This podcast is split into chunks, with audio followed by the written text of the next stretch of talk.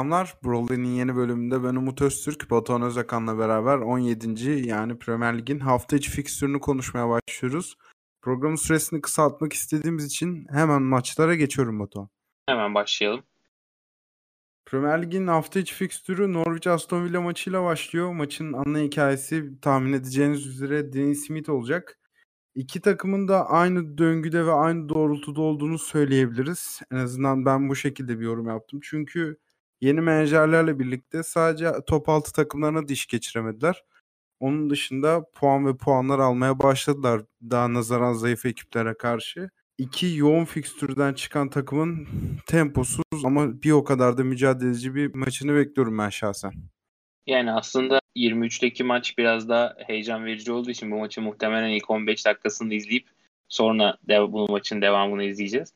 Ee, aslında United'ın maçı da vardı fakat oradaki işte vakalar sebebiyle o maç ertelendi ve City Aston Villa aslında bugün herkesin en azından biraz izleyebileceği maç e, konumuna geldi. Yani Aston Villa'da da şu anda Gerrard dün takımda koronavirüs vakaları olduğunu söyledi ama bu maçı erteli yani maçı erteleyecek kadar herhalde yoğun olmadığı için e, böyle bir karar alınmadı ama orada da kimin pozitif olduğunu bilmiyoruz. Dolayısıyla bugünkü maç e, o kadroyu da etkileyecektir. Yani maçtaki kadrodan belki birazcık varsayımda bulunabiliriz kimlerin e, kadroda olup olmadığından. E, yani Aston Villa'nın son dönemdeki Gerrard'la birlikte performansının e, artış art, arttığını rahatlıkla söyleyebiliriz. Fakat bu işte vakalar takımı nasıl etkileyecek onu bilmiyoruz. Yani burada bir puan kaybı mümkün olabilir ki Dean Smith'le birlikte de aslında e, iyi bir çıkış yakalayan Norwich'er karşılarında. Geçtiğimiz hafta Liverpool karşısında Aston Villa'nın e, biraz skor üretiminde sorun yaşadığını gördük iyi bir savunmaya karşı. Dean Smith'le birlikte de savunmayı toparlayan bir Norwich var. O yüzden e, hem eksikler hem de bu savunmayı açma probleminden dolayı Villa'nın e, birazcık e, sıkışık bir maç izlememiz mümkün. Hı hı. Aslında ben de çok sıkışık bir maç bekliyorum senin saydığın hı hı. sebeplerden ötürü ama şu anda Norwich'in savunma rotasyonunda ciddi bir belirsizlik var. Savunmanın lideri olan Henley son maçta sakatlanıp oyunu tamamlayamamıştı United maçında. Ve eğer Gibson oynayamazsa 19 yaşındaki Jonathan Tompkins'ını bekliyor Norwich'in bütün blokları ve taraftar siteleri. Ve Premier Lig debütü olacak aynı zamanda genç oyuncunun.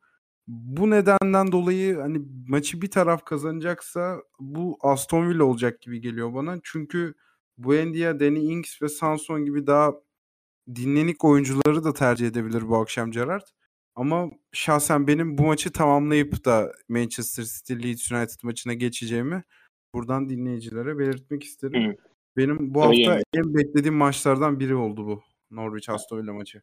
Hı, ben tam tersi yani 15 dakika izleyip Ondan sonra şeye geçmeyi planlıyorum. Devre arasında da tekrar bir dönüyorum. Kalan kısımları da artık akşam City maçından sonra tamamlarım diye düşünüyorum.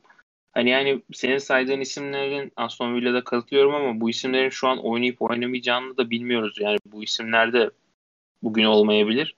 Yani çok büyük bir belirsizlik var aslında Villa cephesinden. Hep yani maç saatinde işte yaklaştıkça takımlar belli oldukça biraz daha bu maçla alakalı tahmin yapmamız ve yani bekliyoruz kısmını konuşmamız daha doğru gibi geliyor bana. Hı hı. Ki ben bu haftaki programda çok fazla aday kadrolara girmeyeceğim. Çünkü saydığım aday kadroların %70'i 80'i maç saati çıkmıyor. O yüzden böyle bir ki ders bir aldım kendime ama. Ki bir de bu hafta yani neredeyse çoğu takım pozitif vaka bildirdi. O yüzden de hani yani şu anda medyada oluşan işte preview'larda belli 11'ler yazıyor ama kimin çıkacağını eminim şu anda kimse takım içindeki kişiler de dahil tahmin etmekte güçlük çekiyordur. Hı hı. Ki bir pozitif vakada Norwich'te oldu. Zolis'in son testi pozitif gelmiş. O yüzden maç kadrosunda olmayacak. Buendia ve Inks kesin olarak yazılıyor bu akşamki Aston Villa 11'lerine ama Sanson tabii ki daha sonradan Nakamba yerine de tercih edilebilir. Onu maç saati göreceğiz diyerek günün diğer maçına geçeyim istersen. Hı hı, tabii ki. Manchester City Leeds United ağırlıyor. Geçen sene bu stadyumda çok güzel bir City Leeds United maçına sahiplik etmiştik. Hatırlıyorsundur Leeds United'ın son saniye kazandığı bir maçtı. City bu maçı kazandığı takdirde galibiyet serisini 7 maça taşıyacak ama Leeds United'ın da zirve takımlar için çok kolay bir lokma olmadığını herhalde hafta sonundan tecrübe etmişlerdir. Yani kesinlikle katılıyorum. Leeds bu sene e, kötü bir sezon geçiriyor diyebiliriz rahatlıkla. Yani en azından istedikleri seviyenin çok altında bir performanstalar. Sadece 16 maçta 3 galibiyet var.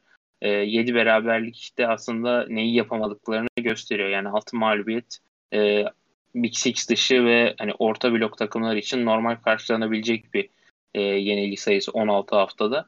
Ama 7 beraberlik aslında Leeds açısından nelerin yanlış gittiğini çok net gösteriyor. Yani bu sene öne geçtikleri maçı ya tutamıyorlar ya da işte bir şekilde son dakikada bir beraberlik golüyle maçı kurtarıyorlar.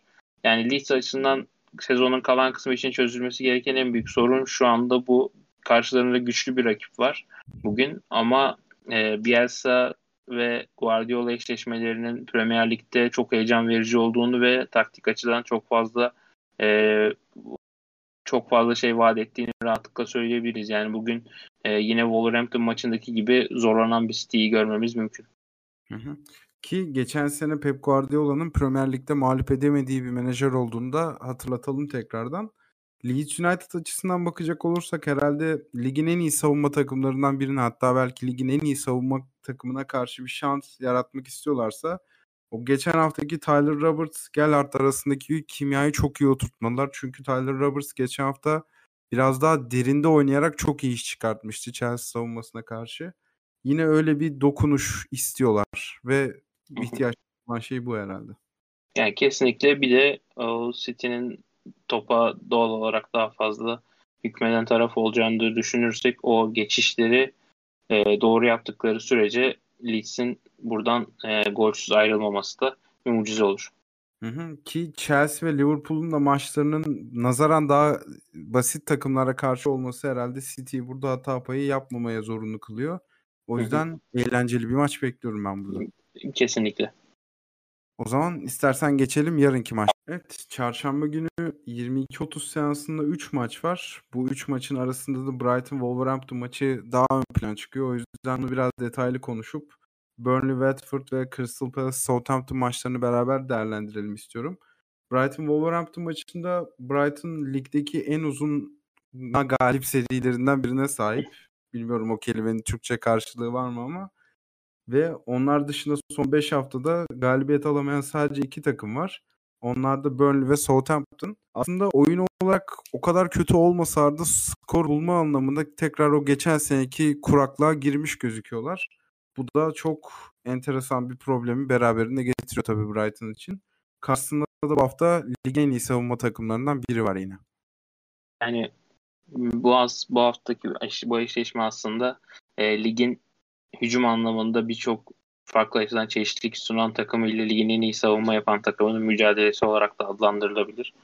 Ee, yani Brighton'ın burada oynayacağı oyun aslında maçın gidişatını belirleyecek gibi duruyor. Yani Wolverhampton'ın artık 3 aşağı 5 yukarı ne oynayacağını ya da sahaya ne yansıtacağını tahmin edebiliyoruz rahatlıkla.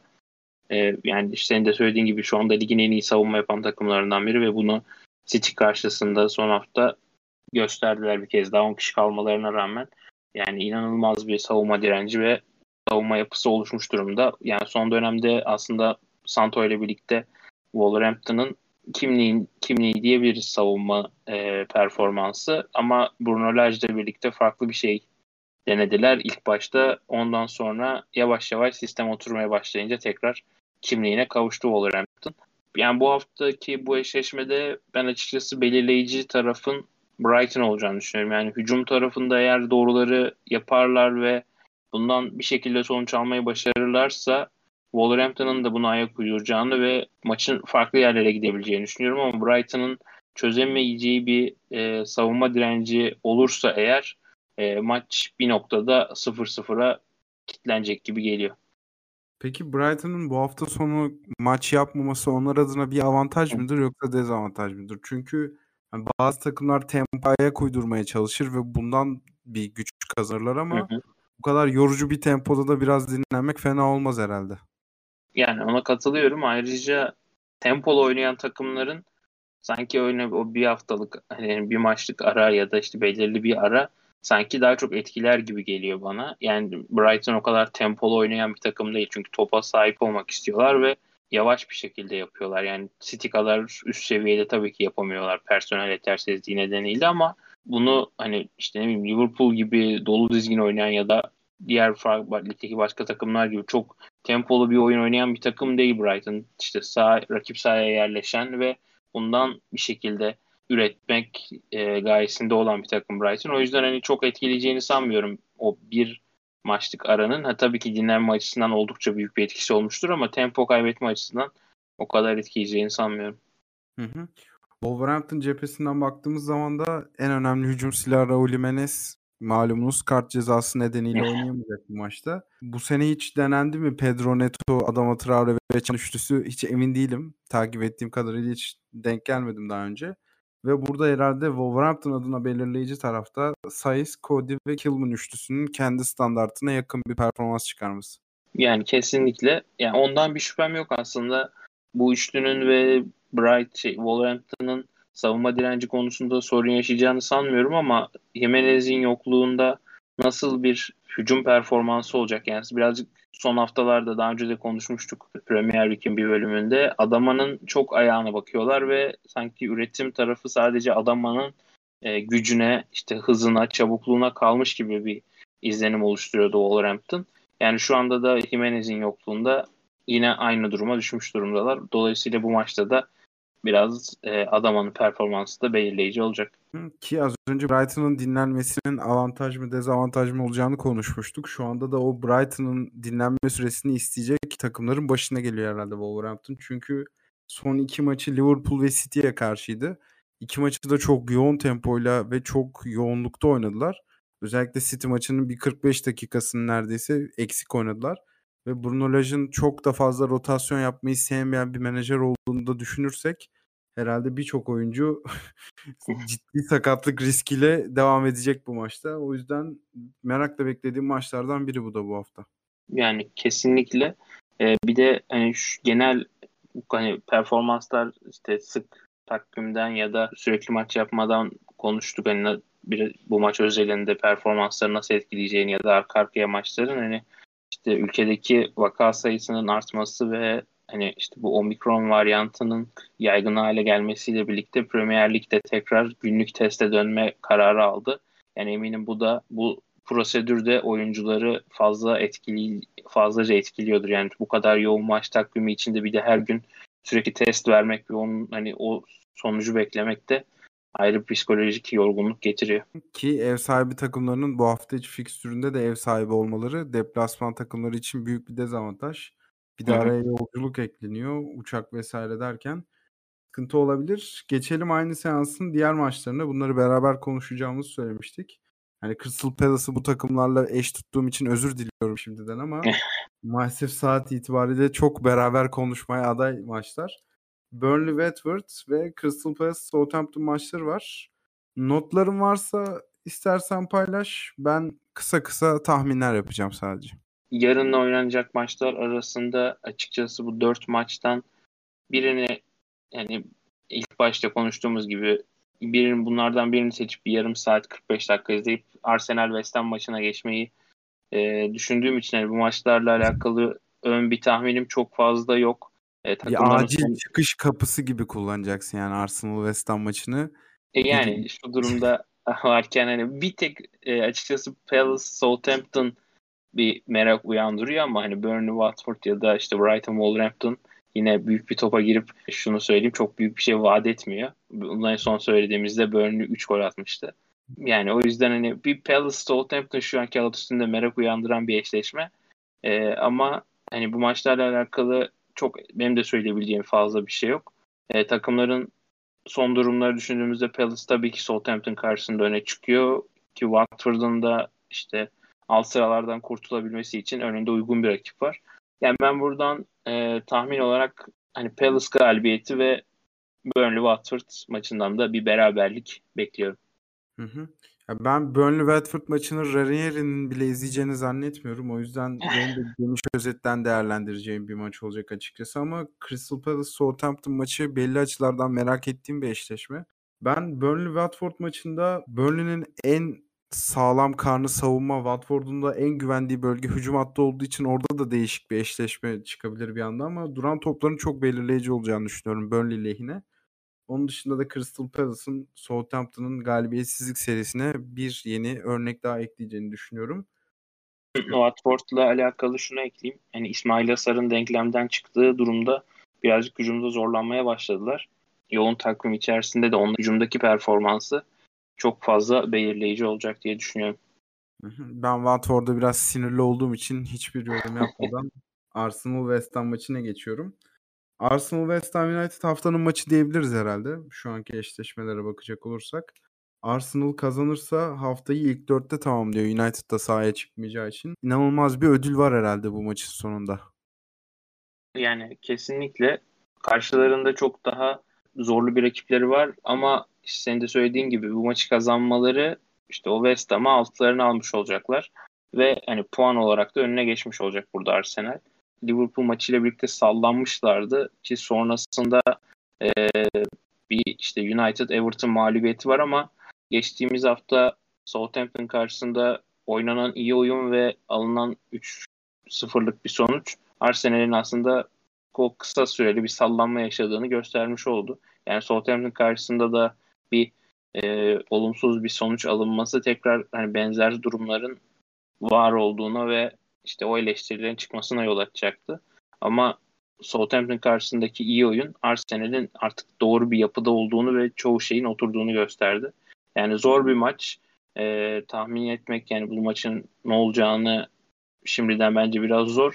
Ama West Ham'ın da savunmayı ön plana çıkartacağını öngörürsek e, sanki Arsenal'in bu maçı çözmesi gereken taraf olduğunu söyleyebiliriz. Arsenal aslında oyun planı itibariyle önde pres yapan takımlara karşı o geriden çıkma işini şu anda kotarmış gözüküyor ki Southampton'da mağlup etmeleri o attıkları ilk gol bayağı poster oldu Arsenal cephesinde.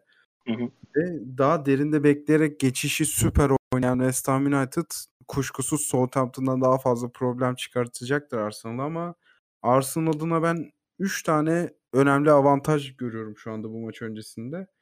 Bir mükemmel bir Emirates karnesinden bahsedebiliriz herhalde Arsenal için. Nazaran daha zayıflara karşı oynamaları biraz maskeli olabilir ama o da bir somut delil olarak karşımızda. İki, ne olursa olsun bu kadar yoğun bir fikstürde West Ham'dan bir gün daha fazla dinlendiler ve yolculuk yapmadılar. Az önce Wolverhampton eşleşmesinde de bunu söylemiştik. O yolculuk baya, bayağı belirleyici olabiliyor. Üçüncüsü de West Ham United'ın savunma rotasyonu iyice daraldı ve çok ideal olmayan bir ikiliyle çıkacaklar bu maça. Mesela üçlü planı tercih edebiliyordu Big Six takımlarına karşı ama şu anda üçüncü stoperi koyacak bir malzemesi yok Mois'un elinde. O yüzden Arsenal biraz daha önde gibi geliyor. Ve tek dezavantaj da herhalde Aubameyang'ın olmaması denebilir. Aubameyang'ın olmamasından ziyade bütün haftayı Artık dezavantaj mı avantaj mı? Ya işte orası biraz ikilemdi ama bu kadar genç ve konsantrasyonunu sahaya vermesi gereken bir takımda istemeyeceğiniz ve dikkat dağıtabilecek bir husus oldu Aubameyang bu hafta. Yani kesinlikle bu kadar iyi bir kimya yakalamış ve birbirine uyum sağlamış genç bir Nüvey'i artık tutmak e, Arsenal'in birinci önceliği ve hani bu takıma da nasıl eklemeler olacak onu da bilmiyoruz. Yani bu tak bu oyuncuları gelecek yıl işte çok daha iyi transferler yapıp kesmek de bir çoğu şeyi baltalamış olacak. Ama takımda rahatsızlık veren isimlerin ayrılmasını sağlamakta Arsenal'in dönüşümünün en önemli parçalarından biri olacak ki buna hani Lacazette dahil. Kesinlikle öyle. Ama ben yine de West Ham'ın hiç azımsanmayacak bir rakip olduğunu düşünüyorum ki Hı. lig tablosunda da öyle gözüküyor zaten. Yani senin de söylediğin gibi West Ham'ın şu an önündeki en büyük handikap stoper rotasyonundaki eksiklik. Yani üçlü savunma yapsa orayı tamamlamak için mecburen beklerden bir devşirme yapmak zorunda ya da işte Declan Rice'ı çekmek zorunda kalacak. Ama Declan Rice'ı da ortadan çekerse o ortadaki yakalanan uyum ve aslında West Ham'ın şu anki durumunu e, gelmesini sağlayan en önemli faktör olan Declan Rice'ın performansı ve o orta sahadaki dinamizm çok büyük ölçüde kaybolmuş olacak. Yani bunu da göze almak kolay değil. O yüzden hani dörtlüye dönmek ya da belki maç içinde belirli periyotlarda alternatif olarak üçlüye uygulamak daha kolaycı bir çözüm olacaktır diye düşünüyorum. Declan Rice senin dediğin gibi çok kritik bir Jenga parçası orada. O yüzden tecrübe etmiştir herhalde. Birkaç güzel, çok çok güzel. Çok güzel bir deyim oldu Jenga parçası. Çok teşekkür ediyorum ve bu güzel deyimle Perşembe gününe geçelim istersen. Tabii ki. Perşembe günü Premier Lig'in çok kült eşleşmelerinden üçü var herhalde. Leicester City, Tottenham, Chelsea, Everton ve Liverpool, Newcastle United.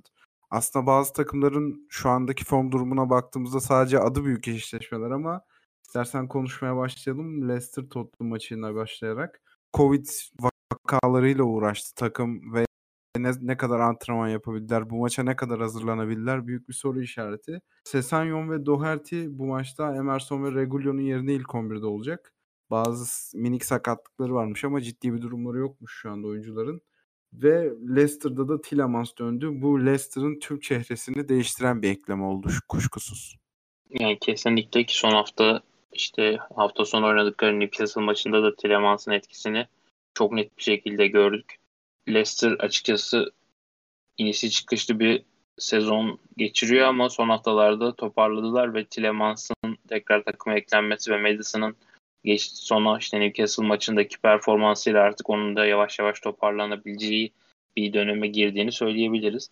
Yani Tottenham buradan işte bir hafta dinlenen takımlardan biri Brighton'la birlikte ama maalesef bu süreci olumlu anlamda dinleyerek geçirmediler.